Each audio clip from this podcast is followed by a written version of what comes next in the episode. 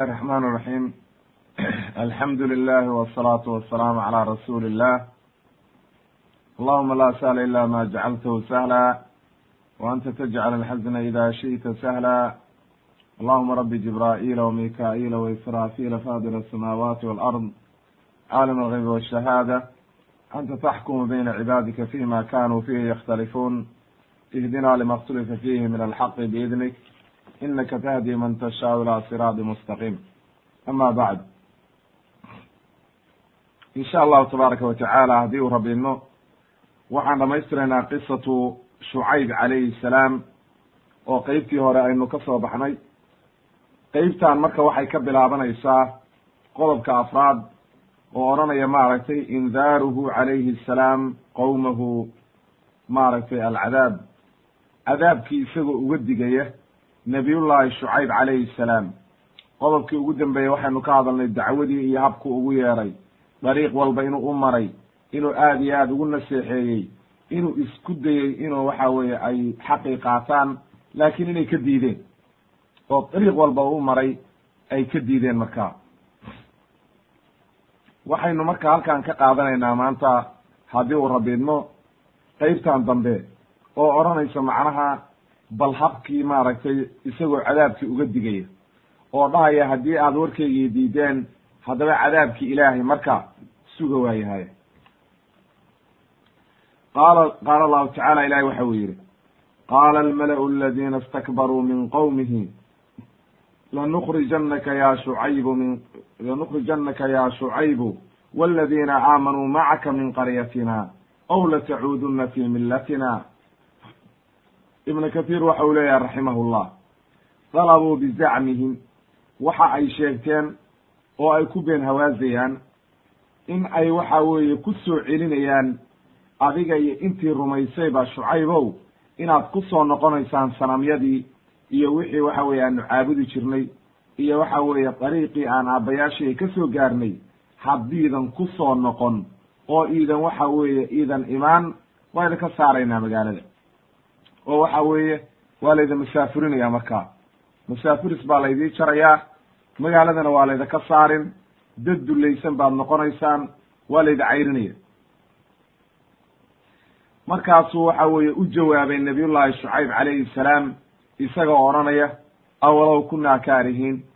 Haddii aanu waxa weeye aanu raalli ka ahayn miyaadna khasbaysaan marka ay haa-ulaa'i laa yacuuduuna ilaykum ikhtiyaaran wa inamaa yacuuduuna ilaykum maaragtay in caaduu haddii ay xataa soo noqdaan macnaha dadkan aniga i rumeeyey oo dariiqan xaqaa qaatay oo anigu aan hogaaminayo idii soo noqon mayaan ayuu leeyahy ilaa waxa weeye karaahiye iyo khasab iyo waxa weeye inaad ku soo celisaan mooye idiima soo noqonayaan ikhtiyaaran iyagoo doonaya oo raalli ka ah ma soo noqonayno wey leanna sababtu maxay tahay lianna aliimaana idaa khaaladat bashaashatuhu alquluub mar haddii iimaanka iyo waxa weye wanaaggiisa iyo dhadhankiisa uu qofka qalbigiisa galo oo waxa weye qofku iimaankiisa uu saxiix noqdo haddi waxa weye iimaankii buu rabaa ilaahay buu rumeeyey kuma soo noqonayo shirki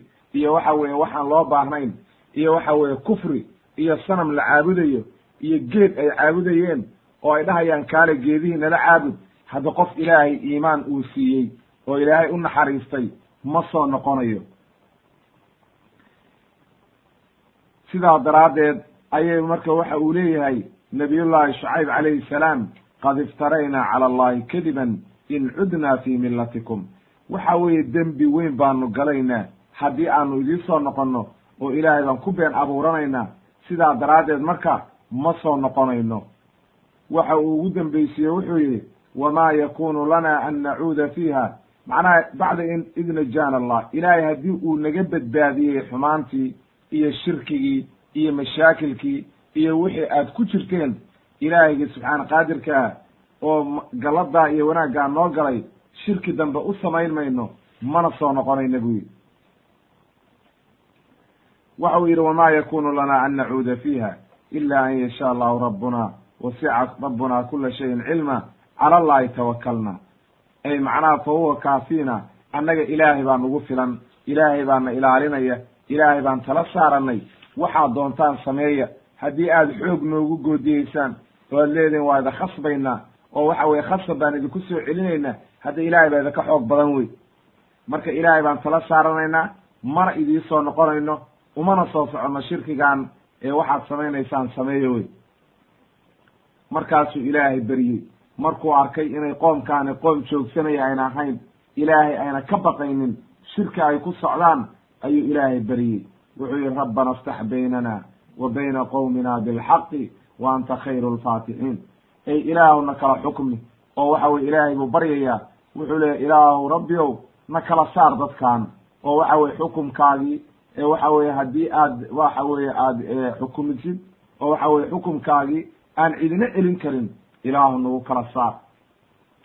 Ilaahay markuu beryey marka oo rasushiisii ay baryeen ilaahayna wuxuu u ballan qaaday rususha inay maaragtay ilaahay uu gargaarayo. Oo waxa weeye oo ilaahay maaragtay uu mar walba u gargaarayo. Marka rusushii ilaahay rasuulka ilaahay markuu beriyey oo waxa weeye uu ilaahay gacmaha u hoorsaday ayaa ilaahay markaa ka ajiibay wey. Leanna waxa weeye rasuul walba markii ay dhibaan oo nafta u keenaan oo mashaakil kasta ku sameeyaan ayuu ilaahay baryaa oo waxa weye ilaahay subxaana qaadirkaa ayuu baryaa markii ay ogaaday leanna waa kuwaan dhahaya maaragtay qaala almalow aladiina kafaruu min qowmihi lain itabactum shucayban inakum ida lakhaasiruun qoomkiisii wuu ka quustay.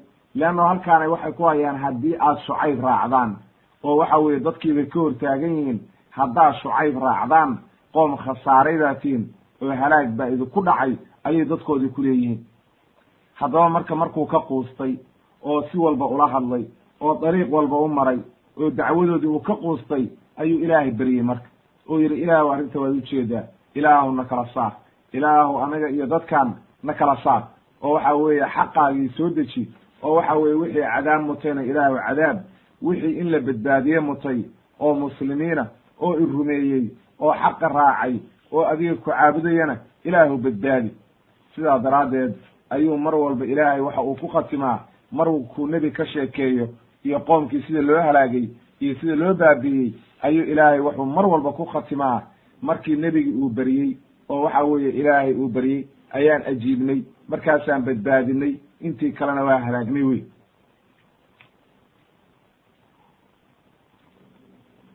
halkaa daraaddeed marka waxaa kaaga caddaatay oo inooga caddaanaysa markay gaaloobeen oo waxa weeye ay diideen nebigii calayhi salaatu wassalaam inay rumeeyaan oo ay waxa weeye tanqiisiyeen oo waxa weeye ay u goodiyeen oo wax walba ay ku yidhaahdeen ayuu ilaahigi subxaan qaadirkaa beryey wey markaasaa ilaahayna ka aqbalay. Haddaba waxaynu u soo gudbaynaa marka qodobka aynu tafsiilinayno ilaahay oo ka aqbalay oo ducadii intuu ka aqbalay nabiyullaahi shucayb calayhi salaam markaa waxa weeye amarkii ilaahay yimid qoomkiina la halaagay mashaakil ku dhacay iyo habkii loo halaagay ayaynu tafsiilinaynaa marka. Waa qodobka lixaad weye tafsiilu lkhabar fi halaaki qowmi shucayb wa nuzuulu niqmati bihim. Waxa weeye waxaynu tafsiilinaynaa habkii loo halaagay iyo kayfiyadii ay dhibaatada ugu dhacday iyo xaggee looga yimid see loo halaagay ayaynu marka soo qaadanayna haddii rabbinu qaala allahu tacala ilahi waxa uu yihi fi suurati alacraaf faakhadathm alrajfatu faasbaxuu fi daarihim jaatimiin ay macnaha rajafat bihim bihim arduhum wazalzalat wazulzilat zilzaalan shadiidan macnaha dhulkii ayaa gariiray oo dhulkii baa la gariiray oo waxa weeye eber ka dhigay ibnu kasiir wuxuu leeyahy raximahullah macnaha dhulkiiba inta la gariiray ay deganaayeen waxa weeye zilzaal aad iyo aad u adag ayaa gariir xoog laa ku dhacay azhaqat arwaaxahum min ajdaadihim naftii oo dhan bay waxay ka daadisay oo waxa weye eber ka dhigtay oo naftii oo dhan bay ka wada riday meyd bay ka wada dhigtay waxa weeye guryihii gamboon oo waxa weye aan waxay tarayaan jirin. Waxay noqdeen min qabiixi sifaat sidii ugu xumayd baa loo laayey leanna waxa weeye ilaahay wuxuu yidhi fi daarihim jaatimiin jufigu waxa weeye inuu qofku maaragtay afgembi loo rido oo waxa weye wax meyda oo afgembi u dhacay oo afka dhulka kula jira oo waxa wax xarakaada lahayn oo gemboon oo waxa wax u naxaya ayna jirin ayay wada noqdeen. Ibn kahiir wuxuu yihi raximah llah waqad jamaca allahu calayhim anwaaca min alcadaab. Ilaahay wuxuu ugu talagalay oo u jamciyey oo isugu keenay anwaacan dhowr nooc oo cadaaba ayaa waxa weye nimankan ku dhacay. Waxaa lagu cadaabay maaragtay sida ilaahay maaragtay uu ina leeyahay waxaa ku dhacay buu yidhi marka leannahu iyaga ayaa arrintan sifaat qabiixa la yimid buu yidhi sallad allahu calayhim rajfatan shadiidatan ilaahay dhulgariir buu horta ku sallida.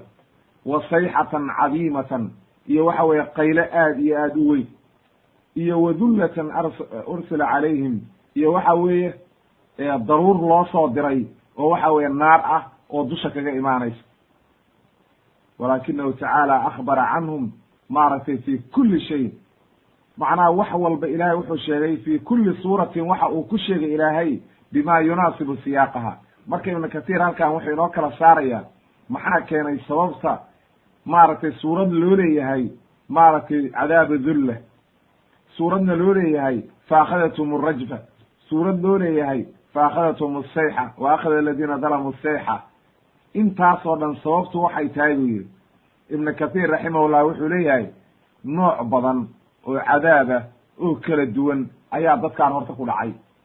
Cadaab iskugu yimid oo dhowr nooca wey laakiin ilaahay suurad walba waxa uu kaga sheekeeyey siyaaqii iyo habkii aayaduhu ku imaanayeen noocii munaasibka u ahaa ayaa lagu khatimay.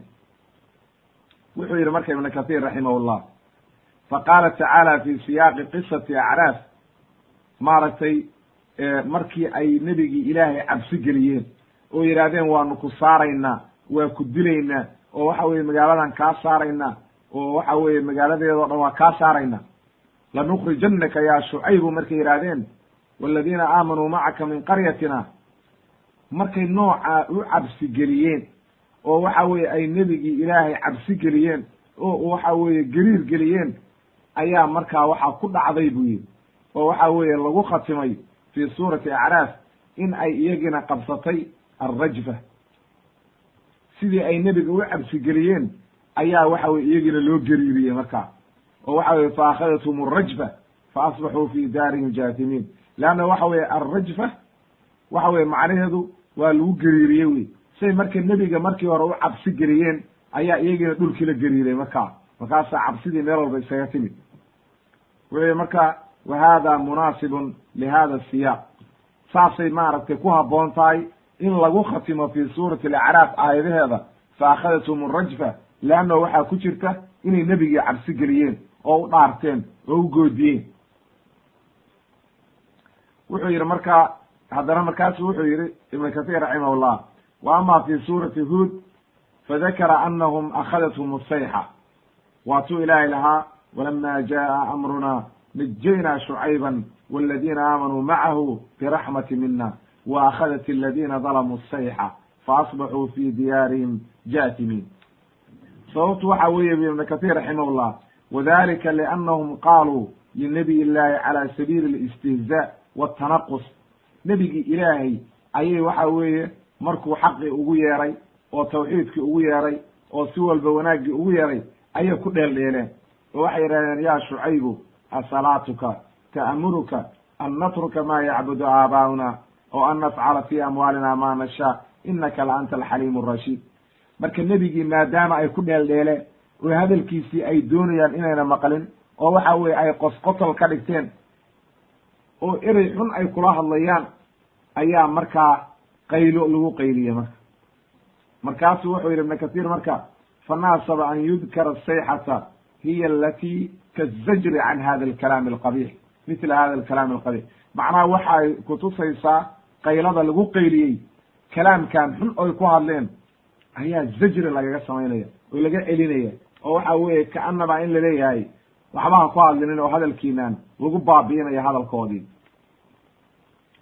Leanno hadalkaa xun oo ay nebigii ku wajaheen oy nebigii kula hadleen ayaa waxa weeye loogu abaalguday in lagu qayliyo marka oo waxa weeye sidaa daraaddeed ayaa waxaa lagu khatimay aayadihii fi suurati huod in la yidhi maaragtay fa akhadathum fa asbaxuu fi diyaarihim jaatimiin wa ama fi suurati shucaraa ilaahay waxa uu sheegay fa akhadatum inay qabsatay addulla cadaabu yowmi dulla wuxuu yihi marka ibnu kahiir raximahullah wadalika buu yihi ijaabatan lima dalabuu fa inahum qaaluu nebiga ayay waxay ku yidhahdeen iyagaa dalbaday cadaab cirka ka yimaada iyagaa dalbaday leannu nebiga waxay ku yidhahdeen qaaluu inamaa anta min almusaxariin wamaa anta ilaa basharu miluna wain nadunuka la min alkaadibiin faasqid calayna kisafan min asamaa in kunta min asaadiqiin marka maadaama ay nebigii ka dalbadeen cirka cadaab ka yimaada oo yidhahdeen sixirow baa tahay annaga waxba nama dheerid haddaad run sheegaysid beenlow inaad tahay annaga kuu malaynayna laakiin haddaad run sheegaysid cirka nagu soo deji oo qeyb cirka ka mida hanala ku cadaabo soo deji cirka sidaa daraaddeed ayuu ilaahay waxa uu yidhi markii uu maaragtay marka uu yihi nabiyullahi shucayb qaala rabbii bima acmaluun rabbii aclamu bima tacmaluun. Ilaahay baa garanaya ay qaala allahu tacaala wahuwa samiicu alcaliim ilaahay oo waxa weeye markaa wax walba og wax walbana maqlaya ayaa markaa waxa uu yihi fakadabuuhu faakadahum cadaabu ywmi dulla inahu kana cadaaba ywmi cadiim. Cadaaba yawmin cadiim. Waxa weeye cadaabu dulla marka wuxuu yihi ibnu kasiir raximahullah macnaha waxay munaasib ku tahay in la yidhaahdo maaragtay halkan maadaama iyaga ay leeyihiin cirka qayba noola ka soo dejiyo daruur cirka ka timid baa marka loo keenay. Oo lagu cadaabay markaa oo cadaab lagaga dhigay. Wuxuu yidhi marka ibnu katiir raximahullah waxay sheegeen buu yidhi ahlu taariikha iyo mufasiriintu waxay yidhaahdeen waxaa ku dhacday ba la yidhi markay noocaa yidhaahdeen oo yidhaahdeen cadaabha naloo ka keena annaga cirka. Oo waxa weeye qayb cirka kamida nagu soo deji. Markay noocaa yidhaahdeen ayaa waxaa dhacday ba la yidhi. Kulayl baa ilaahay ku sii daayey. Kulayl ayaa ilaahay ku sii daayey. Oo waxa weye aad iyo aad bay u kululaadeen. Ayuu leeyahay ibnu kathir raximahullah. Waxa uu leeyahay ibnu kathir raximahullah waxa ay sheegeen inuu asaabahum xarun shadiid waxa asiibay oo ku dhacay kulayl aad iyo aad u adag ayaa ku dhacay. Hawadii o dhan baa joogsatay toddoba beri ayaa hawadii taagnayd bari oo waxa weye ay hawo waayeen oo waxa weye hawadii iyo dabayshii iyo waxa weye nicmadii oo dhan ayaa ilaahay ka joojiyey. Waa nooc min alcadaaba marka. Haddii hawada lagaa joojiyo hadda nafta o dhan baa kaa dhacaysa oo naftaas u kaa imaanaysa. Waxa weye marka hawadii o dhan baa laga joojiyey. Wuxuu leeyahay marka ibnu katir raximahullah markay noocaa dhacday fa kaana laa yanfacuhum maca dalika maaun walaa dilun hoos waa anfici waaye biyihiina waa anfici waayeen leannahu hawadu haddii ay joonsato oo ilaahay uu joojiyo qofkii naqaskaa ku xirmaya kulayl baad u dhimanaysaa. Adoo dhan waxa weye haddii kulayl waana aragtay dhulkaa carabta iyo saxaaraha iyo dhulkaa carabta waa dhul aad u kulul oo waxa weeye batrool iyo macdan baa ka buuxda waa dhul aad u kulul wey marka waxaa dhacday markaa inay waxa weeye markii hawadii laga joojiyey oo ilaahay uu hawadii ka joojiyey ayay gubteen iyagii o dhan. Markay gubteen marka oo aad u kululaadeen oo guryihii anfici waayeen oo biyihii anfici waayeen ayay banaanka u baxeen ba layidhi oo waxa weye kulligood intay isku soo baxeen ayay banaanka aadeen oo waxay is tirahdeen bal hawada u baxa. Waa cadaab ilaahay lamaayo wey fadallatum saxaabatun. Waxaa soo dul istaagtay daruur markaa faijtamacuu taxtaha liyastadiluu dillaha macnaa bidilliha waxkaasay ku soo kulmeen ba la yidhi oo isugu yimaadeen meeshii waxa weeye daruurta ay soo istaagtay ayay kulligood isugu yimaadeen oo waxay jiraan alla yidhi daruurtaan maanta harsada oo daruur baad hesheene bal daruurtaan harsada marka wuxuu leyahy ibnu kathir raximahullah markay halkaa isugu yimaadeen oo waxa weeye daruurtii ay hoos yimaadeen oo kulligood halkaa isugu yimaadeen reer maaragtay reer medyan oo dhan halkaa isugu yimaadeen ayaa arsalaha allahu ilahay wuxuu u soo diray maaragtay maaragtay dabayl iyo waxa weeye cadaab ayaa daruurtii uga timid markaasaa lagu gubay. Da daruurtii baa waxay ku soo tuudhay maaragtay bishararin wa shuhubin kulayl iyo naar iyo dab ololaya ayaa lagu soo daadiyey markaasaa lagu gubay warajafat bihim alardu dhulkiina waa la geriiray. Wa jaaءat sayxatu min aلsamaa saddexdaasaa isugu timid ba la yidhi marka. Iyagoo waxa weeye daruur inta la dul keenay daruurtii ay ku soo daadinayso naar iyo dab iyo waxa weeye mashaakil ay ku soo daadinayso olol yaacaya iyo dhulkiioo la geriiray iyo qaylo hawada kaga timid. Saddexdiiba marka waa isugu timid. Saddexdaa nooc ayaa waxa weye lagu cadaabay oo waxa weye ilahay isugu keenay. Sidii qoomaluud oo kale iyagaba waxa weye inta kor loo qaaday oo la soo afgembiyey dhagxanta laga daba keenay oo waxa weye dhagxanta lagu rusheeyey. Marka waa wax dhici kara in waxa weeye dhowr nooc oo cadaaba ay isugu yimaadaan waa suurtagal wey marka wuxuu leeyahay ibnu kahiir raximahullah saddexda waxyaaloodba saasaa loola jeedaa oo mid walba dhinac bay ka timid oo mid walba waxa weeye waa cadaab ilaahay ugu talagalay bay ahayd saddexdaba waa lagu cadaabay. Marka isma diidayaan hadduu ilaahay maaragtay aad aragtid maaragtay faakadahum faakadatum rajfa iyo faakadatum aseyxa iyo waxa weeye maaragtay faakadahum cadaabu yawmi dhulla kulli waa isku wada mid wey saddexdaba waa lagu cadaabay oo waxa weye waa la isugu keenay cadaab meesha ugu yimid oo waxa weye saddexdiiba lagu cadaabay buu ahaa. Ayuu leeyahay ibnu kahiir raximahullah waxa uu yidhi marka sab intaasoo dhan markay ku dhacday ayaa naftii ka baxday. Oo waxa weye iyagii oo dhan waxa weye la baabi'iyey oo guryahay kharaabeen oo eber ay noqdeen. Faakadahum faakadathum arajfa siduu ilaahay u yidhi faasbaxuu fii diyaarin jaatimiin iyagoo afgemboon oo guryihii maaragtay ku dhacay oo waxa weeye baabaay ayay meesha afgemboon yihiin. Ilaahay waxa uu yidhi marka oo ku khatimay aladiina kadabuu shucayban kaan lam yagnow fiiha aladiina kadabuu shucayban kaanuu hum alkhaasiriin macnaha kuwii nebiyullaahi shucayb diiday oo beeniyey waxaad mood waxaad moodaa inayna meeshaan weligoodba ku nagaan inayna meeshaan weligood joogin inayna meeshaanba waxa weeye aynan cimri dheer iyo muddo dheero ay joogeenba inayna jirin leanna waxa weeye magaaladii camirayd oo wanaagsanayd oo dadku ka buuxay oo nicmadu taallay oo waxa weye barwaaqadu tiilay daqiiqad gudaheed bay waxay noqotay kharaab. Wax nool male wax dhaqaaqaya male wixii o dhan waa la baabi'iyey eber baa laga dhigay. Marka waxaad moodaa inaan meeshaan weligeedba lagu noolaan. Sidaa daraaddeed marka ayuu ilaahay wuxuu leeyahay aladiina kadabuu shucayban kaanuu hum alkhaasiriin kuwa khasaaray oo mashaakilku ku dhacay oo khasaaradu ku dhacday waa kuwii nabiyullahi shucayb beeniyey wey. Mar hadday nabiyullaahi shucayb beeniyeen marka khasaara ku dhacday iyo halaag iyo waxa weye masiibo ilaahay xaggi uga timid ayaa waxa weye u timid oo baabi'isay oo iyagoo dhan gam ka dhigtay wey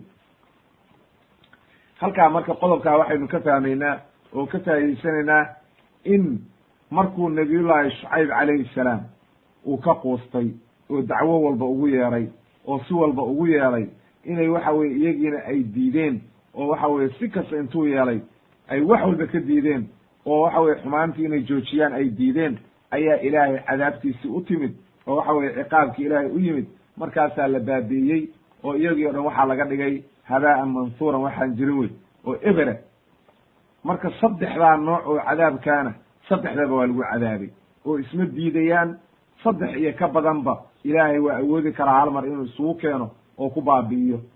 Marka waa isku wada macne haddii dhulkii la gariiray iyo haddii samada looga keenay daruur ololaysa iyo haddii lagu qayliyey kulli waxa weeye intaba waa lagu wada cadaabay sidaa ibnu kathiir inoogu caddeeyey raximahullah ayay maaragtay aynu qaadanaynaa oo waxa weye aynu ku raacaynaa insha allahu tabaaraka wa tacaala. Waxaynu u soo gudbaynaa marka qodobka toddobaad. Asxaabu layka wa qowmu madyan ummatun waaxida mararka qaarkood baad waxaa arkaysaa qur'aanka waxaa ku soo kadabat asxaabu layka marna waxaa soo arooreysa wa ilaa madyana akhaahum shucayba. Waxaa marka loo baahan yahay in la ogaado ma ummad keliya mise waa laba qabiilo mise waa hal qolo oo meel deganayd ayaa laga wadaa. Wuxuu leeyahay ibnu kathiir raximahullah waman zacama min almufasiriina qofkii sheegtay buu yihi zacama luuqadda carabiga hadda ka horna waa soo sheegnay luuqadda carabiga zacama haddii la yidhaahdo laba noocba waa noqotaa. Asalka waxaa loo isticmaalaa qofkaasi wuxuu iska sheegtay daliilna ma haysto laakiin wuu iskaga been hawaasaya wax saxiixa ma aha waa beenti.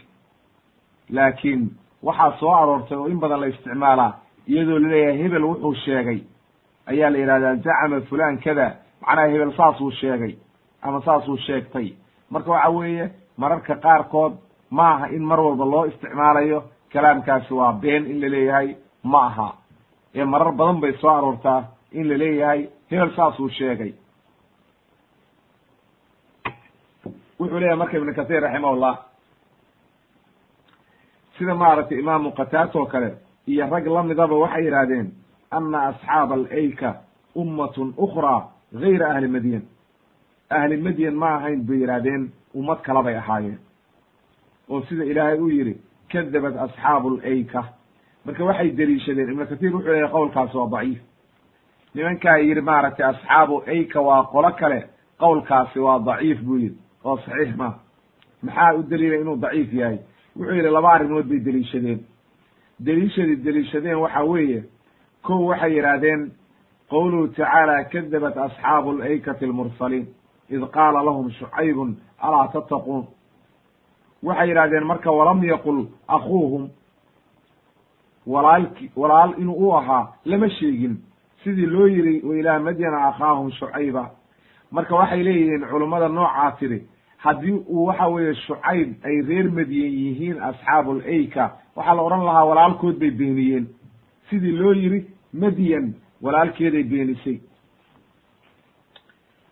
Qowlka marka qowlkaa waa deliishadeen qowlka labaad oo ay deliishadeen waxa weeye waxay yidhahdeen annahu dukira waxaa la sheegay cadaabahum biyowmi dulla asxaabu layka in lagu cadaabay cadaabu yowmi dulla cadaabkii waxa weeye daruurta cadaabta ahayd loo soo diray ayaa lagu cadaabay bay yidhahdeen nimankan la yidhahda reer madyanna waxaa la sheegay in lagu cadaabay alrajfatu ow sayxa haddaba waxay yidhahdeen cadaabkoodiina waa kala duwan yahay.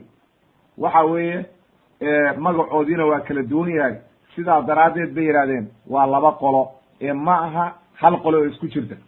Haddaba marka aynu u nimaadno marka jawaabta uu ina siiyo ibnu kathiir iyo habka u tawjiihiyo kalaamka ayaynu ibnu kathiir baynu marka fiirinaynaa waxa uu inaga yidhaahdo.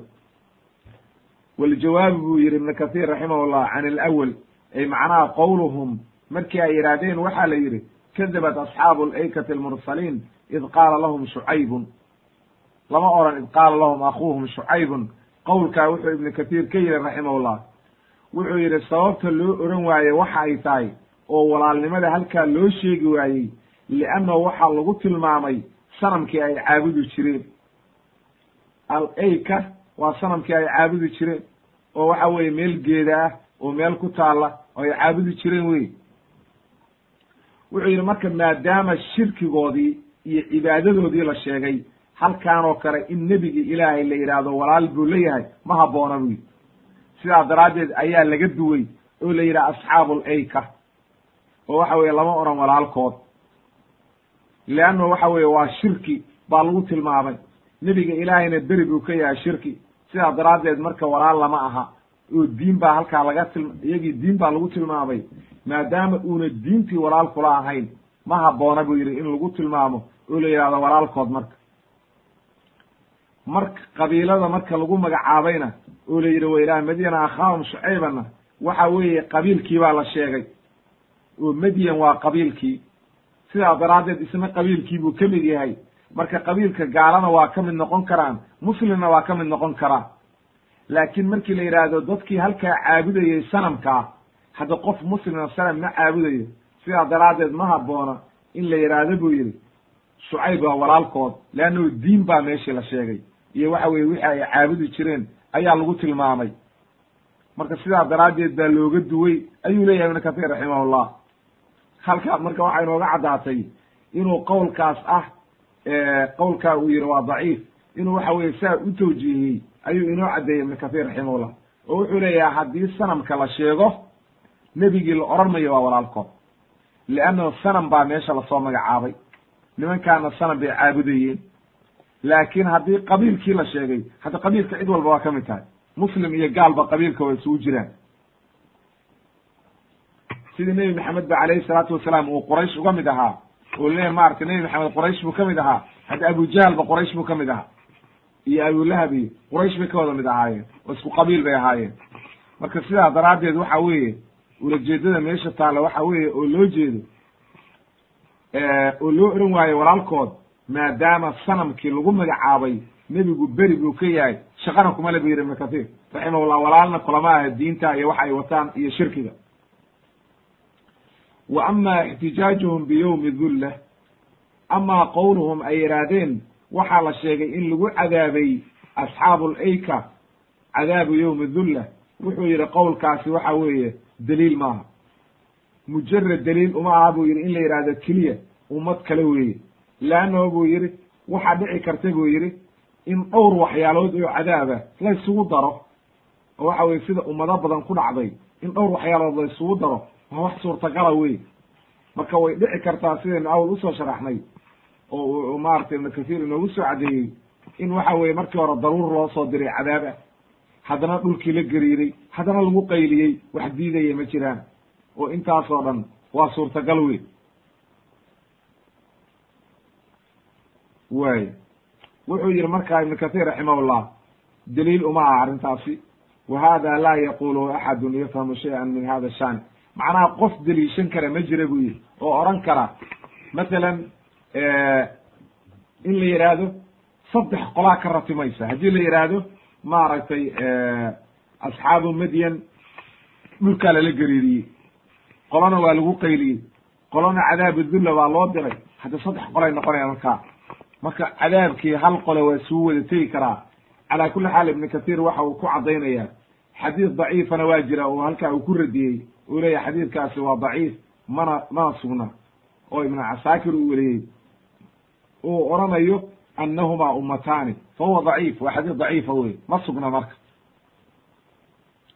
Marka sidaa daraaddeed halkaa wuxuu ibnu kathiir inoogu caddeeyey oo inoo kala saaray ummad keliya inay yihiin nebiyullaahi shucayb baa loo diray.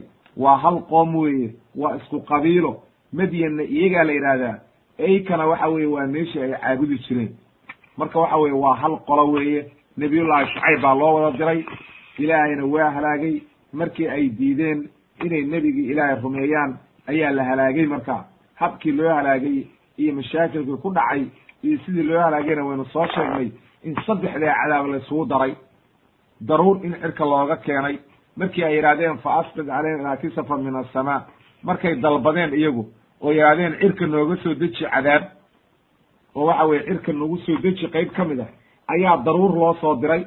Leannao daruurta cirkay ka timaadaa daruurtii baa loo soo diray. Waa la soo dul istaajiyey. Markaasaa naar iyo dab looga dhigay oo waxa weye lagu rusheeyey haddana waa lagu qayliyey. Dhulkiina waa lala gariiriyey. Intaasoo dhan ayaa waxa weye ku dhacday oo waxa weye lagu baabi'iyey wey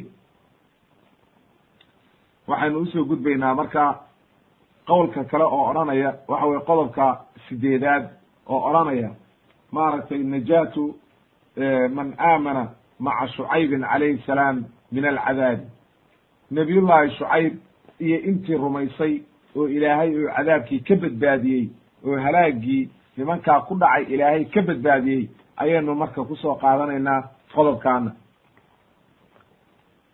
ilahay waxa uu yidhi qaala allahu tacaala walama jaءa amruna najaynaa shucayba wاladina aamanuu macahu biraxmati mina waakhadat aladina dalamuu sayxatu faasbaxuu fi diyaarihim jaatimiin ilahay waxa uu yihi falama walama jaءa amruna ay macnaha ciqaabtii iyo cadaabkii iyo mashaakilkii markuu yimid oo ilaahay soo xukmiyey oo ilaahay soo diray oo amarkii ilaahay uu ku fulay ilaahay waxa uu yidhi waxaan badbaadinay najaynaa waan ka badbaadinay shucayba nabiyullaahi shucayb calayhi salaam.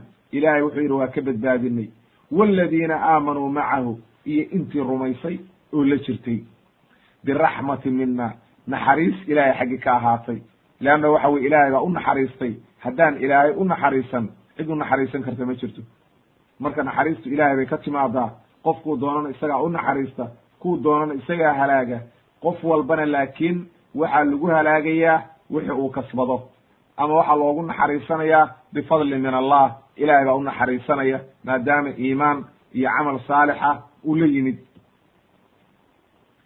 Waxa uu yihi marka ilahay wuxuu yihi markaa waladiina aamanuu macahu biraxmati mina iyagii markaan badbaadinay marka nabiyullaahi shucayb iyo intii rumaysay markaan badbaadinay buu yihi ilaahay wa akhadat aladiina dalamuu sayxa qaylaa qabsatay kuwii dhaalimiinta ahaa oo dulmiga sameeyey oo gaaloobay waa lagu qayliyey fa asbaxuu waxay noqdeen fi diyaari fi diyaarihim jaatimiin inay guryahoodii afgemboon yihiin marka jaatimiina waxa weye macnaheedu ay macnaha inay jilbaha inta u dhaceen afka ciidda la galeen ay afgembisan yihiin oo saa lagu ciqaabay ayuu ilaahay inoo sheegay aayad kale ilahay waxa uu ku yidhi wa qaala almalau aladiina kafaruu min qowmihi lain itabactum shucayban inakum idan la khaasiruun waa iyagii yiri oo ku dhawaaqay oo la hadlay nabiyullaahi shucayb qoomkoodii waa iyagii la hadlay oo yiri haddii aad shucayb raacdaan haddaad tihiin reer madyan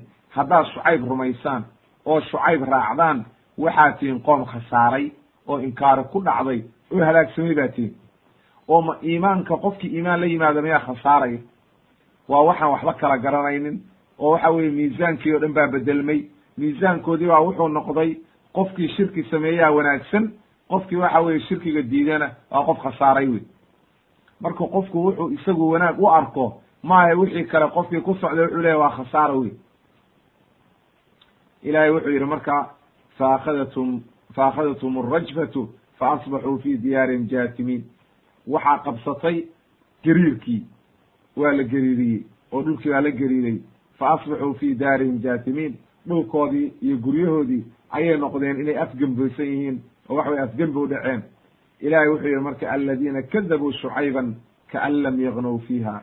Aladiina kadabuu shucayban kaanuu hum alkhaasiriin kuwii nabiyullaahi shucayb diiday oo rumayn waayey oo waxa weeye diiday inay nabiyullaahi shucayb raacaan noocaasaa lagu abaalmariyey oo waxa weeye dembigoodii iyo shirkigii iyo dhibtii ay galeen ayaa lagu halaagay. Leanno taasi waxa ay tahay fii muqaabili qowlihim weeye lain itabactum shucayban inakum idan la khaasiruun. Haddaba markaasaa ilaahay wuxuu ugu jawaabay waxaa la yidhi markii la halaagay iyagii oo la baabi'iyey waa la yidhi aladiina kadabuu shucayban kaanuu hum alkhaasiriin kuwa khasaaradu ku dhacday waa kuwii nabiyullaahi shucayb beeniyey oo ku gaaloobay. Sidaa daraaddeed ba halkaa waxaad ka garanaysaa marka mar in badan baad waxaad arkaysaa dadku iyagoo isku haya. Hebel baa fiican hebel baa saxan iyo dariiqaasaa saxan dariiqaasaa saxa qofkii dariiqaa ka leexda waa khasaara bay kuleeyihin khasaarada rismiga waxa weeye qofkii dariiqa ilaahay ka leexda oo dariiqa tawxiidka iyo caqiidada iyo diinta islaamka qofkii ka leexda oo raaci waaya kaasaa khasaaray wey laakiin qof ilaahay rumeeyey oo dariiqiisii ku socda oo dariiqii xaqa ahaya oo diinta ilaahay ku soconaya weligii ma khasaarayo. Dhibaato kastoo adduunka ku timaada waxa weye marna ma khasaarayo. Leanna waxa weeye aakhire ayaa daran waxa weye qofka aakhire khasaaray oo halaagsamay kaa weeye qofka khasaarada xaqiiqadaa ku dhacday. Ama adduunyadan qofka dhibaato kastoo ku dhacda waa wax laga tegeyo oo wax qiimaha ay leedahay ma jirto. Laakiin xaqiiqada waxa weeye khasaarada rismiga waa qofkii aakhire khasaaray qofkaa waxa weye ayaa khasaaro ku mudan ayaa khasaaro ku sugnaaday wey marka qodobkaa waxaynu ka fahmaynaa ilaahaygi subxaana qaadirka ahaa waxa uu sideedaba sunnaha ilaahay waxaa ka mid ah. Mar walba oo nebi qolo loo diro oo rasuul loo diro qolo oo ay diidaan oo ay rumayn waayaan aakhirka ugu dambeeya ilaahay wuxuu halaagaa in alla intii nebigi diiday oo gaalowday ilaahay waa halaagaa.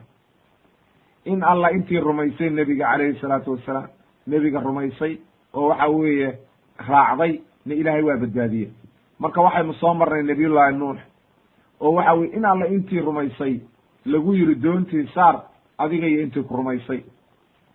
Waxaynu soo marnay nabiyullaahi huud calayhi salaam oo ilaahay uu badbaadiyey in alla intii rumaysay in alla intii diiday oo gaalada aydna la halaagay.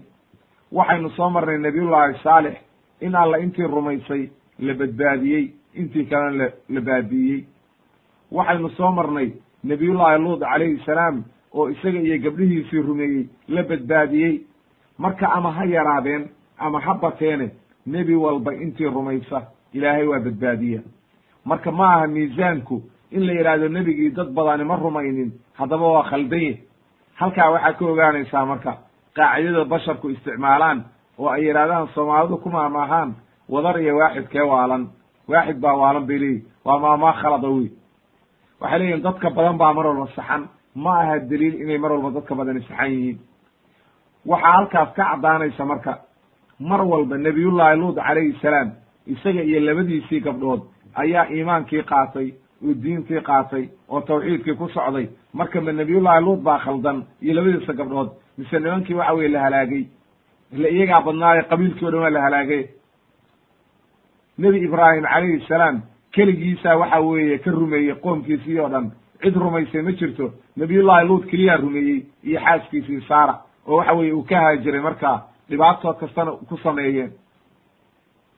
Nabiyullahi nuux calayhi salaam ilaahay wuxuu yidhi wamaa aamana macahu ila ilaa qaliil. Wax yar baa rumeeyey. Hay haddaba marka daliil ma aha saxiixna ma aha in la deliishado oo la yidhaahdo mar walba waxa weeye dadka badani meeshay maraan ayaa saxan waa khalad wey arrintaa waa in aad iyo aad la ilaaliyo. Mar walba deliishu meeshay taallaa saxan. Kitaabka qur'aanka iyo sunnuhu wixii ay caddeeyaan ayaa saxan laakiin la raaci mayo. Dad yar baa halkaan maray iyo dad badan baa maray. Waxaa daliil maaha sidaa daraaddeed waxaa arkaysaa marka dadka maanta jooga. Markaad tiraahid ilaahay baa saa yidhi rasuulkaa saa yidhi xadiis baa ku sugnaaday. Wuxuu leeyahay weligay ma maqal. Hadadaada weligaa maqal ma jahligaaga ada adigu diintii maqal miyaad xujo uga dhiganaysaa inaad xadiidka ku radidid oo aad diidid waa nin aad iyo aad u khatara wey aad iyo aad ha laysaga ilaaliyo marka mar walba waa inuu qofku ogaado leanna wakaa ilaahay wuxuu leeyahay walama jaa amruna najaynaa shucayban waladiina aamanuu macahu biraxmati mina wataa aayadda kale uu ilaahay ku leeyahay aladiina kadabuu shucayban kaanuu hum alkhaasiriin haddaba waxa khasaaraya oo halaagu ku dhacayo waa qofkii nebiyada beeniya oo dariiqii mari waaya oo kitaabka beeniya oo sunnaha qaadan waaya kaasaa khasaaraya ee qofkii dariiqa xaqaa mara oo ilaahay ka cabsada oo waxa weeye rasuulka dariiqiisii mara. Ama ha yaraadeen walow waaxid ba ha noqdee sidii selafka ka sugnaatay waxa weeye qofkii sunnaha ku taagan ayaa waxa weeye jamaaca. Qofkii sunnaha ku taagan iyo dariiqa ku taagan ayaa ahlu sunna waljamaaca dadku ama ha bateen ama ha yaraadeen. Daliil ma. In la yidhaahdo dadkii badnaabaa xagga maray dadkaan yari waa khaldan yihiin waxaa aad iyo aad laysaga ilaaliyo qodobka ugu dambeeya waxa weeye qisatu shucayb calayhi salaam khidaabu shucayb liqowmihi bacda halaakihim wa hijratuhum maaragtay wa hijratuhu can makaanihim. Nabiyullaahi shucayb calayhi salaam markii qoomkii la halaagay oo la baabiiyey oo ilaahay uu badbaadiyey marka nabiyullaahi shucayb iyo intii rumaysay ayuu waxa weye markaa ilaahay waxa uu yidhi fatawallaa canhum. Wuu ka jeensaday. Wa qaala wuxuu yidhi yaa qowmi laqad ablagtukum risaalaati rabbii wanasaxtu lakum fakayfa aasa calaa qowmin kaafiriin? Ay macnaha acrada lahum muwalliyan maaragtay can maxallatihim booskoodii iyo meeshii lagu halaagay iyo guryahoodii ayuu ka tegey markaa ayuu leeyahy ibnu kahiir raximahullah. Isagoo markaa dhahaya iyagii la hadlaya meydkoodii ayuu la hadlaya. Oo waxa uu leeyahay wax alla wixii aniga waajib igu ahaa oo dushayda saaraa oo layla soo diray risaaladii iyo diintii iyo naseexadii iyo wanaaggii anigoo idin soo gaarsiiyey. Waajibka aniga isaaraa wuxuu ahaa inaan waxaan ida gaarsiiyo min albalaaqi tam wannusxi alkaamil aniga waajibka isaaraa laba arrimood bay ahayd qof walboo daaciya qof walboo la diro ama rasuul ha noqdo ama nebi ha noqdo ama qof daaciya ha noqdee qof walba labada arrimood baa laga rabaa maxay tahay labada arrimood laga rabo albalaaq inuu wixii gaarsiiyo wixii uu garanayey haddaan maanta aadan rasuul jirin nebina jirin maanta inoo imaanaya qofka daacigaa waxaa laga rabaa wixii diino uu garanayo horta inuu dadkii gaarsiiyo. Oo uu noqdo muballig. Waatuu nebigu lahaa calayhi salaatu wassalaam balliquu canii walow aaya. War haba yaraatee dadki gaarsiiya diinta. Oo waxa weye waxa aad garanaysid aayadda aad garanaysid iyo inta ilaahay ku fahansiiyey u sharax dadka. Oo u sheeg. Iyo waa inaad noqotid nusxu tam. Macnaha in lagaa helo inaad dadkii u naseexaysid. Leanna nebigu wuxuu yidhi calayhi salaatu wassalaam addiinu nasiixa. Diintu waa nasiixo wey waa in qofkii loo naseexeeyo naseexadana macnaheedu waxa weeye inaad wanaaggii qofka tustid wey oo wanaagga u sheegtid oo aad isku daydid inaad qofkan tustid inaad wanaag la rabtid ee aadan qofkii tusin inaad adigu xumaan la rabtid oo qofkii xumaynaysid waa inaada tusin wey waa inuu qofku mar walba kaa dareemo inaa wanaag la jeceshahay. Dariiqada aad marka isticmaalaysid waa inay noqoto dariiqadii nebi maxamed calayhi isalaatu wassalaam. Udcu ilaa sabiili rabbika bilxikmati walmawcidati alxasana waa inay noqoto. Iyo qowluhu tacaala qul hadihi sabiili adcuu ila allahi calaa basiiratin ana waman itabacanii maaragtay calaa cilmi. Inaad qofkii ugu yeertid xikmad ugu yeertid aad isticmaashid maaragtay dariiqba dariiquu ka fiican yahay. Oo waxa weeye aad aad iyo aad dadkii muslimiintii iyo mu'miniintii aad waxa weye si debacsan wakfid janaaxaka liman itabacaka ayaa la yidhi min almu'miniin. Ayaa nabiga lagu yidhi si debacsan oo wanaagsan oo aan jafaafnimo ahayn in loogu yeero naseexadii la gaarsiiyo qof walba aad u naseexaysid waa ti maaragtay saxaabada qeyb ka mida nebigu uu kula dardaarmayey inuu qof walba oo arko u naseexeeyo oo waxa weeye wax walba markaa khalad qofkii ku aragtid u naseexee sidaa daraaddeed bu wuxuu leeyahay nabiyullahi shucayb calayhi salaam wanasaxtu lakum. Waxaynu soo marnay nebiyullaahi nuux oo odhanaya waan idiin naseexeeyey. Waxaynu soo marnay nebiyullaahi huud oo odhanaya wa ana lakum naasixun amiin. Nebiyullaahi saalix nebiyullaahi luud kulli mid walba wuxuu leeyahay war waan idiin naseexeeyey oo wanaag baan idiin keenay oo risaaladii baan idiin keenay. Sidii oo kale u leeyahay nabiyullahi shucaybna waxa uu leeyahay wanasaxtu lakum laqad ablagtukum risaalaati rabbi aniga waa idin soo gaarsiiyey wixii ilaahay ila soo diray diintii iyo caqiidadii iyo risaaladii aniga waa idin soo gaarsiiyey haddana markaas waan idiin naseexeeyey see baan marka uga xumaadaa oo waxa weeye fa kayfa aasa ay macnaha murugo iyo mashaakil see qalbigayga u gelaysaa dadka noocaasa oo ilaahay rumayn waaya haddii aad tihiin waxa weye markaa ma idinka murugoonayo wey dhibaato kastoo idinku dhacda wax aan ka murugoonayo ma jirto wey. Leanno idinka ayaa dariiqii xaqaha qaadan waayey sababna u noqday in laydi halaago. Marka wuxuu leeyahay ee maaragtay waan ku dadaalay wa xaraftu calaa hidaayatikum bikulli maa aqdiru caleyh wax walba oo aan awoodo dariiq kasta oo aan maro dariiq kasta oo aan awooday waxaan ku dadaalay inaan inaan idi hanuuniyo oo waxa weye dariiqii xaqaa idinku rido laakiin idinkaa diiday. Wuxuu leeyahay marka hadday nooca arrintii tahay marka aad diideen falam yanfacukum nusii idama anficin marka naseexadaydii iyo wanaaggii idama anficin. Lianna allaha laa yahdi man yadul wamaa lahu min naasiriin qofkii ilaahay uu la maaga baadinimo oo ilaahay uu dhiminayo cid waxa weeye hanuunin karta ma jirto. Waa tii nebi maxamed lagu yidhi calayhi salaatu wassalaam markii adeerkii abi abi aalib uu tegey oo uu dhintay oo uu diiday inuu islaamo oo yihi maaragtay nebigu waan kuu dembi dhaaf dalbayaa.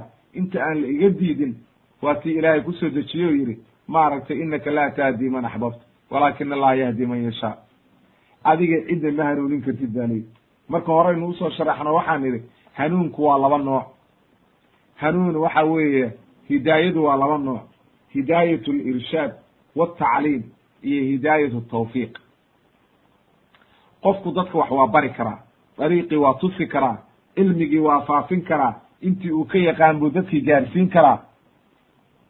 Laakiin inuu qofkaani wixii qaato ilaahay uu waafajiyo taa waafajinta ilaahay baa leh. Sidaa daraaddeed ayaa waxaa lagu fasiraa markuu leeyahay ilaahay inaka laa tahdi man axbabta ee waxa weeye hidaayatu tawfiiq. Adiga qofna ma waafajin kartid oo waxa weye iimaankii iyo camalkii saalixa ilaahay baa dadka waafajiya. Ee adiga ma waafajin kartid aayadda kaloo qur'aankaa odhanaysa fi suurati shura inaka latahdi ilaa siraatin mustaqiim ey waxa weeye hidaayatu alcilmi walirshaad tacliimkii iyo cilmigii qofkii waxbaad bari kartaa.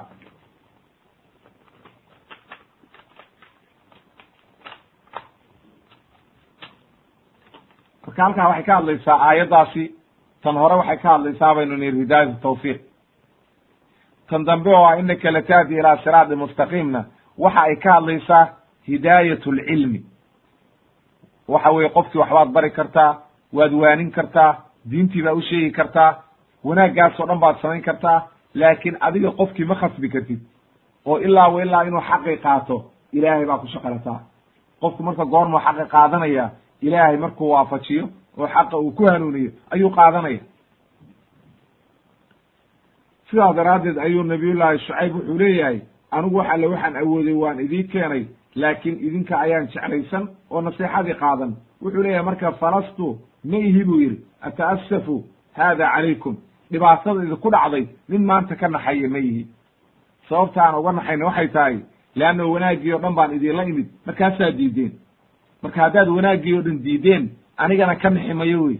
Dhibaatada idinku dhacday maanta wax aan ka murugaysnahay maaha leanno idinkaa xaq u yeeshay waa iyagii awalba u goodimayey oo lahaa haddaadan ka joogsan waxaa wadid waa kaa saaraynaa magaalada waa ku dilaynaa waxa weye dhibaataan kugu samaynayna qabiilkaagaan kaaga baqaynaa laakiin dhibaataan kugu samayn lahay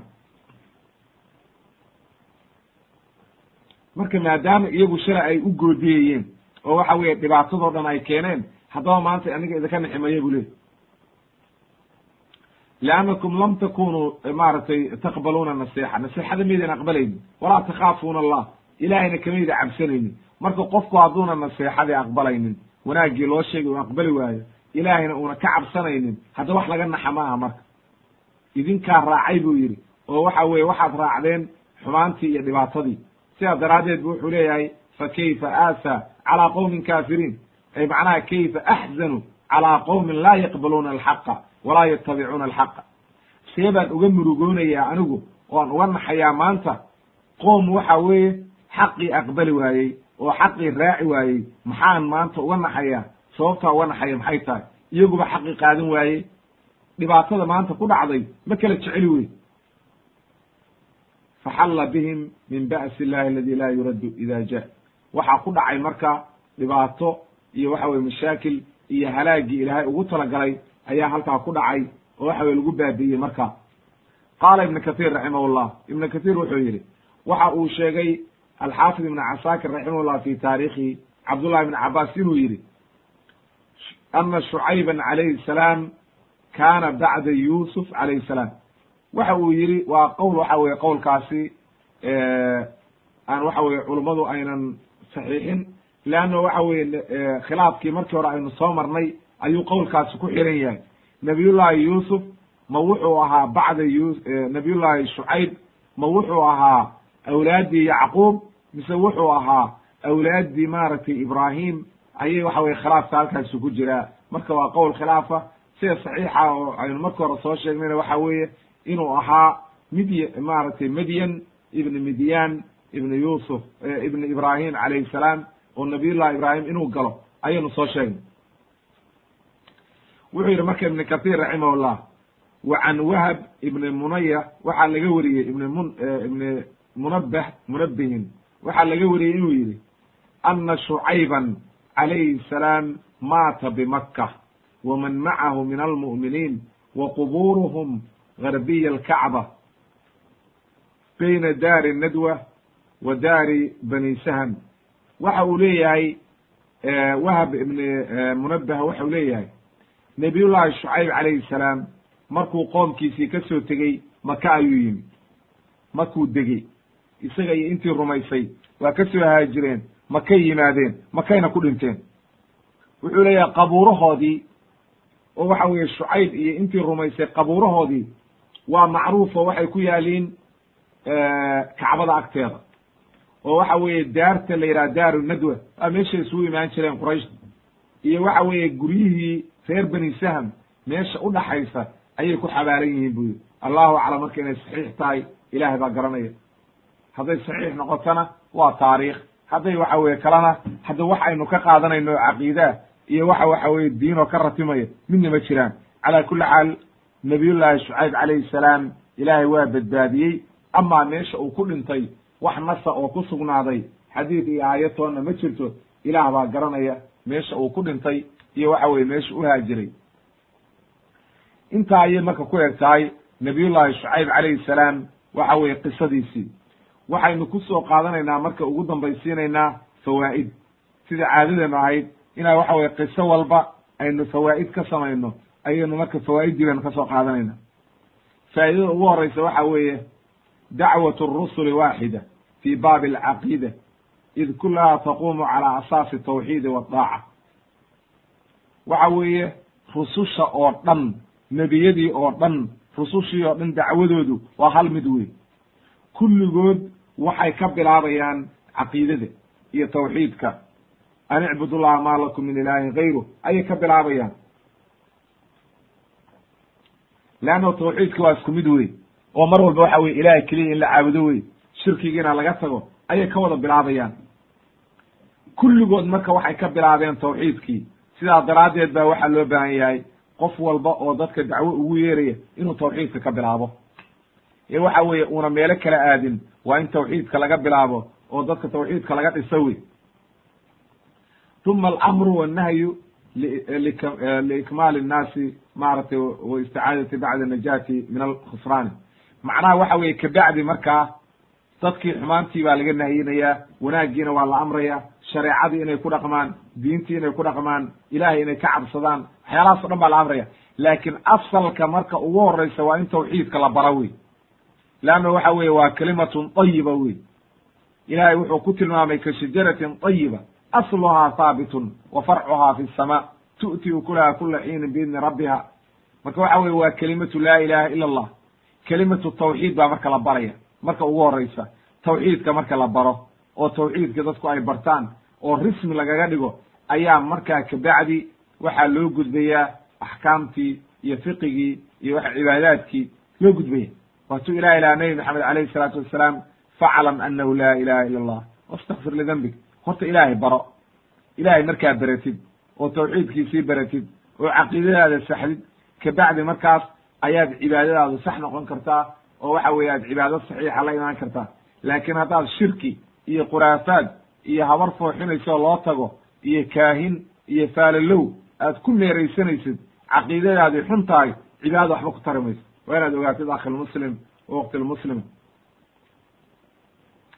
waxaanu ka qaadanaynaa xurmat lfasaadi fi lardi bilmacaasi laa siyama albilaadi alati daharaha allahu bilislaami wa aslaxaha bisharaaicih waxaynu ka qaadanaynaa faa'idada ah inayna bannaanayn oo xaaraan tahay in dhulka la fasaadiyo oo macaasi iyo dil iyo dhiig iyo dhibaato iyo zino iyo wax daran dhulkii lagu fasaadiyo iyo boob iyo dhac inayna bannaanayn oo ay xaaraam tahay. Leanno haddii ilaahay dhulka islaam ka dhigay oo waxa weye diin u soo dejiyey oo axkaamtii ay taallo oo sharcigii diintii taallo hadda dhulkii in la fasaadiye ma aha marka. Haddaad dhulkii fasaadisid mashaakil baa ku dhacaysa. Dhulkii o dhan fasahaad iyo mashaakil ayaad ku samaynaysaa lama ogola marka. Waa xaaraam wey waxaa kaloo aynu ka qaadanaynaa faa'idada qisadan ku jirta waxay tahay oo aad iyo aad muhiimka u ah inayna bannaanayn qofka markuu wax miisayo ama wax beegayo inuu dadka ka nusqaamiyo inayna bannaanayn. Oo ay xaaraam tahay oo dulmi tahay oo aakhire la isweydiinayo oo waxa weeye ay dulmi tahay ayaanu ka qaadanaynaa. Baksi nnaasi ashyaahum inayna bannaanayn ayaynu ka qaadanayna waxaa soo gelaysa bay dhaheen culummadu arrintaa. Fi dalika asanaacaati wa naxwi. Macnaha waxaa soo gelaysaa waxyaalaha qof dadka waxa sameeya oo sancooyinka kuwa guryaha dhisa kuwa waxa weeye warshadaha kuwa waxa weye baabuurta sameeya. Qof walba oo saanica oo wax sameeya so waxay yidhaahdaan soomaalidu ku maamaana iyo carabta iyo kullu saanic kadaab qofku mar hadduu saanic noqdo waxaad moodaa in beentii loo xalaaleeyey. Waxbuu maanta samaynayaa lacagtiibuu kaa qaadanayaa soo noqo buu kuleeyahay waxa weeye cabaar kabacdi u imow maya weli diyaar maaha. Soo noqo biri u imow waxa intaa ku soo celcelinaya. Ama wixiiba si saxa kuugu samayn mayo waa ku khayaamaya. Haddaba marka waxa weeye qofkii saanica oo wax samaynaya oo farsamo yaqaana haddii uunan dadka sidii ula heshiiyo oo marka hore laysku afgarto hadduuna wixii uga soo bixin wuxuu noqonayaa dadkii maarata wuxuu la mid noqonayaa waa baksi naasi ashaaihim xoolahoodii iyo maalkoodii dadka waxoodii ha ka khayaamin oo ha ka nusqaaminin oo dhibaataha ku samaynin. Waxaynu kaloo ka faa'ideynaa inayna bannaanayn qadcu dariiq qudaacu dariiq nimanka la yidhaahdo oo jidgooyada maanta meel walba soomaali haddaynu nahay dariiq walba la mari waayey oo waxa weeye qudaacu dariiq ay wada fadhiyaan. Dhaalimiin miran oo qoryo haysata ay wada fadhiyaan. Inay xaaraam tahay. Asalkeedana ay ka timid ummadahaas hore oo waxa weeye reer reer medyan iyo in laga keenay oo waxa waxa ay bilaabeen inay dadka dariiqa u fadhiistaan. Iyo sidoo kale inayna bannaanayn waxyaalahan canshuurta iyo mashaakilka dadka lagu samaynayo in la cabsi geliyo dadka dariiqa maraya waxaasoo dhan ma banaana leanna waxa weeye qofka islaamkaa inuu qof islaama cabsi geliyo waa min alkabaa'ir wey qof islaama haddaad cabsi gelisid oo mashaakil ku samaysid oo dariiqii uu mari lahaa aad cabsi gelisid kabiiro weyn ayaad la imaanaysaa. Waa mashaakil weyn wey marka. Aad iyo aad u weyn. Waa in laga digtoonaado ilaahayna laga baqo wey canshuurtana iyada iska badaaba waxa weye waa aad iyo aad bay kabiiro u tahay waa arrin aad iyo aad u xun dadkaa xun baana laga soo gaaray wax banaanna ma ah. Diinta islaamka waxay taqaanaa zaka waxa la yidhahdo in dadkii zake laga qaado zakaatulmaal bay taqaanaa. Marka in zakaatulmaalkii inta la iska daayo dadkii canshuur la saaro waxay tahay aan la aqoon. Waa baatil wey iyo wax daran oo gaalo laga soo gaaray. Ilahay in laga baqo wey marka. Waxaynu kaloo ka qaadanaynaa oo faa'idaah xurmatu sadi can sabiili illah bimanci nnaasi min altadayuni waliltizaami bishariicati dhaahiran wa baatinan in laga celiyo dadkii dariiqi ilaahay jidkii ilaahay diintii inay bartaan diintoodii ay qaataan xijaabkii gabdhihii markay qaataan ayaa loo diidaya. Maanta waxaa socota gabadhii xijaab qaadata maaragtay iskool ma dhiganayso oo waxa weeye wax ma baranayso oo waxa weeye waxba looma ogola intaasoo mashaakilaa socda haddaba marka waxa weeye waxaasoo dhan waxaad u jeedaa qofka dadka diinta u diida oo waxa weeye waa tuu nabiyullaahi shucayb lahaa watasuduuna can sabiili illah man aamana bihi wa tabquunaha ciwaja waa wixii ay samaynayeen qoomamkii hore. Ayaa maanta la soo cusboonaysiinayaa oo maanta hadba waxa weye la keenaya ee wax cusub keenayaan waa isku wada mid wey ma banaana marka waa dulmi wey waa dulmi wey waman adlamu mima manaca masaajid allah an yudkara fiiha smuh wa fi kharaabiha qofka doonaya masaajidii ilaahay inuu dadka u diido oo waxa weeye uu dulmiga noocaasa samaynaya qof ka dulmi badan ma jiro. Halaag iyo dhibaatoo dhan ayaa usugnaanaysa ilaahayna waa cadaabaya oo mashaakil waa ku dhici doona. Haddaba waa in laga digtoonaado oo aan loo diidin dadka islaamka ah inay diintooda ku dhaqmaan oo aad iyo aad la iskaga ilaaliyo in qofka diintiisi laga hor istaago. Waxaa macalasafi shadiida qofkii isagoo muslim sheeganaya oo laa ilaha illa allah maxamedan rasuulullah ku haya ayuu haddana diidaya in diintii lagu dhaqmo oo waxa weye diintii islaamka ayuu hortaagan yahay. Waa arrin aad iyo aad looga xumaado wey waxaynu kaloo ka faa'ideynaa bayaanu sunati bishariicati wahiya ana ana adalama walmutakabiriin yujaadiluuna bilbatil macnaha dadka dhaalimiinta oo waxa weeye dadka dulmiya oo jabbaariinta mutakabiriinta oo isla weyn waxa ay mar walba ku doodayaan oo ay difaacayaan waxyaalo baatila haddii ay marka doodii ka dhammaato oo waxa weeye xujajkii laga badiyo markaasay awood isticmaalayaan. Mar walba waa noocaa nebi kastoo aynu ka sheekayno marka hore way doodayaan way qaylinayaan way isdifaacayaan. Kabacdi markay arkaan in laga badiyey oo xujadii laga badiyey oo leanna ninkaan waxyi baa ku soo degaya maalin walba tilaabadii la qaadaba aayad qur'aana imaanaysa kalaamki ilaahay baa imaanaya saa ugu jawaab baa la leeyahay ilaahay baa garanaya. Xujajkii marka markii laga badiyo oo adiladii laga badiyo ayay markaa xoog u soo jeensanayaan ha ogaadeen marka dadka dhaalimiinta ah xooggiina in laga badinayo oo ilaahayga subxaana qaadirkaa cid walba ka xoog badan yahay. Oo waxa weye qof walba oo xooggiisa ku fahma waxa weye sidii reer caad oo kale markay yidhahdeen man ashaddu mina quwa ilahay wuxuu yidhi awalam yarow ana allaha aladii khalaqahum huwa ashaddu minhum quwa ilaahygii ku abuuray haddaad xoog dadka ugu fahmaysid allihii ku abuuray baa kaa xoog badan sidaas daraaddeed ilaahay baa ku halaagaya marka haddii aad xoog dadka ugu fahamtid waxaynu kaloo ka qaadanaynaa oo faa'idaa maaragtay laa y laa yasixu min ahli اlxaqi bacda an carifuuhu wa dacow maaragtay ilayhi an yatrukuu wa yaqbaluu baatila bedelahu macnaha ma banaana qofku mar hadduu xaqii ogaado oo diintii fahmo oo dariiqii xaqaa waadix u noqdo inuu dib uga noqdo. Leannahu wakaa nabiyullaahi shucayb markay ku yidhaahdeen diinteeda ayaad ku soo noqonaysaan. Yaa shucaybu lanakrijannaka maaragtay waan kaa saaraynaa magaalada. Ow latacuudunna fii millatina. Markuu noocaa yidhaahdeen ayuu wuxuu yidhi awalow kunaa kaarihiin. Oo haddaanu raalli kahayn mana khasbaysaan qad iftaraynaa cala allahi kadiban in cudna fii millatikum. Bacda id najaana allahu minha.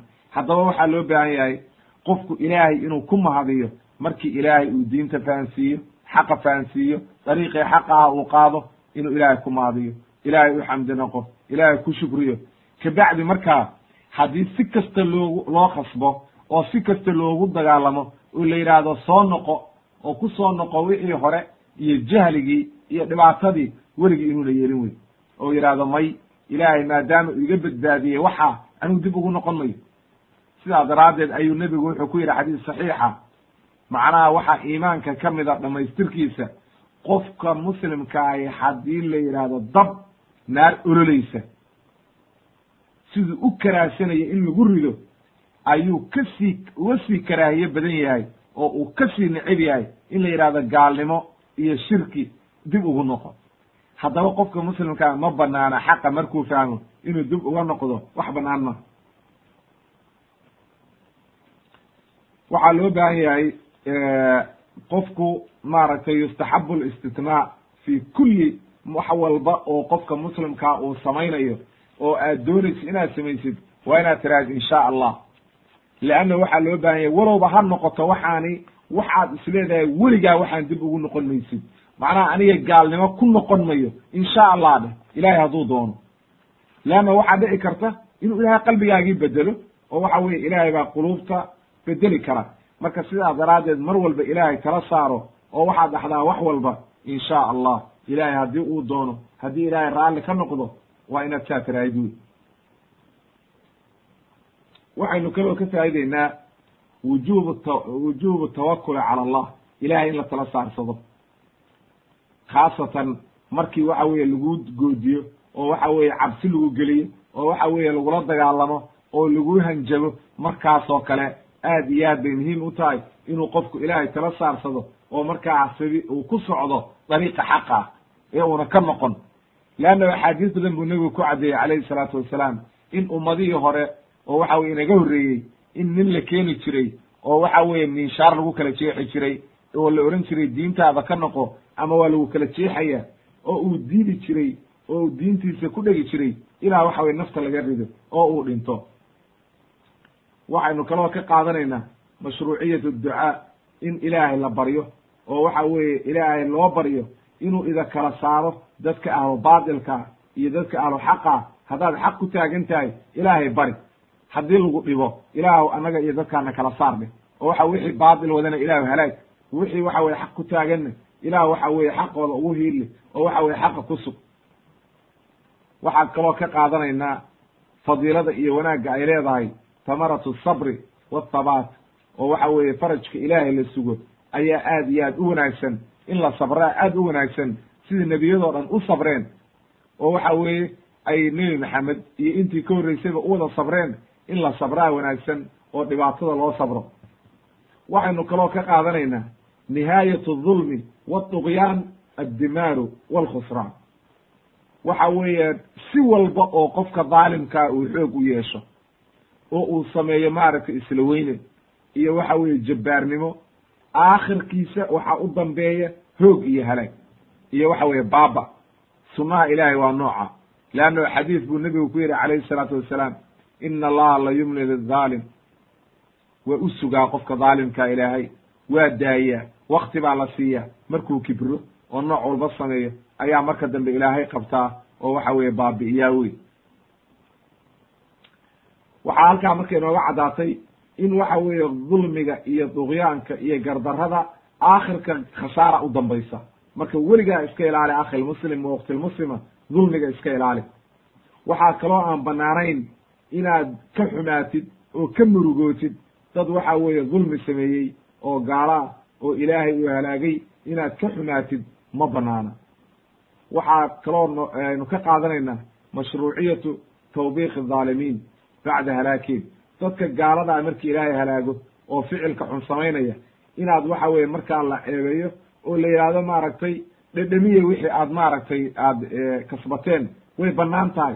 Leanno nebiyadii o dhan nebi saalax iyo shucayb iyo kulli saasay samaynayaan rasuulka ilaahiyna waa tuu ku sameeyey maaragtay quraysh nimankii maaragtay quraysha markii beder lagu laayey uu lahaa maaragtay yaa abaa jahl ma ku farxaysaan maanta? In waxa weye aad rasuulka ilaahay aada adeeci lahaydeen. Waxaynu kaloo ka qaadanaynaa xurmatu ljidaali waalcinaadi waxa weeye inay dooda iyo canaadka inaad xaqa ka hor timaadid inayna banaanayn ee waxa weeye xaqa ilaahay la raaco markay kuu caddaato.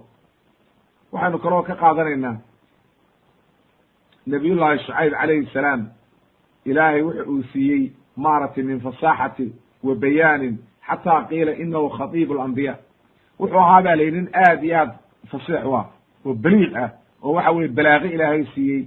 Aad hadalkiisu cajiib u yahay oo waxa weye ilaa la yidhi maaragtay khadiib laakin khatiib alambiya in lagu magacaabo xadiis daciifa ku soo arooray. Xadiis daciifa ayaa ku soo arooray oo waxa weye xadiiska ama sugna laakiin waxa weye wuxuu ahaa ba la yidhi nin ilaahay codkarnimo u dhiibay oo aad iyo aad u hadalkiisu cajiib yahay oo waxa weeye qoomkiisii o dhan markuu la hadlayo ay waxa weeye aad iyo aad uga gar hela oo waxa weye aan laga gareeli karin bu ahaa ba la yidhi. Waxaynu kaloo ka qaadanaynaa sidqu wacdillah ilaahay maaragtay ballantiisii uu ballan qaaday inuu rusushiisa u gargaarayo inay waxa weeye ina allaha laa yukhlifu almiicaad. Rasuul walba ilaahay markuu diro ballantii uu ka qaaday inuu u gargaarayo. Ilahay waa u gargaaraa nebi kasta saasaa loogu gargaaray. Oo waxa weye nebi nuux nebi huud nebi ibraahim nebi saalex nebi luud nebiyullah maaragtay nebi shucayb. Kulli ambiyada inoo imaanaysa mid walba ilaahay waa u gargaaray. Oo mid walba waa badbaadiyey. Qoomkoodiina ilaahay waa halaagay. Nebi maxamedna saas oo kale ayaa ilaahay u gargaaray.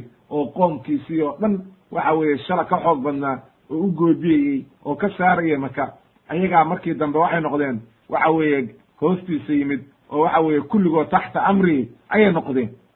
Sidaa daraaddeed marka ayaa qofkii ilaahay u gargaara in tansuru llaha yansurkum. Ya ayuha aladiina aamanuu in tansuru llaha yansurkum wa yuthabbit aqdaamakum. Qofkii ilaahay u gargaara diintiisa u gargaara xaqa ku socda oo waxa weeye xaqa faafiya ilahay waa u gargaaraya waxaynu kaloo ka qaadanaynaa alamru bitaqwa fariidatu kuli daacin qof walba oo daaciya oo ilaahay ka cabsanaya inuu dadka taqwadii faro oo waxa weye diinta ugu yeero waa fariido waajiba oo lagu leeyahay oo laga rabo wey oo waxa weye ducaadda iyo iyo dadka xanuuninaya waxaa laga rabaa ilaahay daacadiisa inay dadka amraan oo ilaahay taqwadiisa amraan oo ilaahay dadka ay yidhahdaan ka cabsada oo waaniyaan ayaa la rabaa.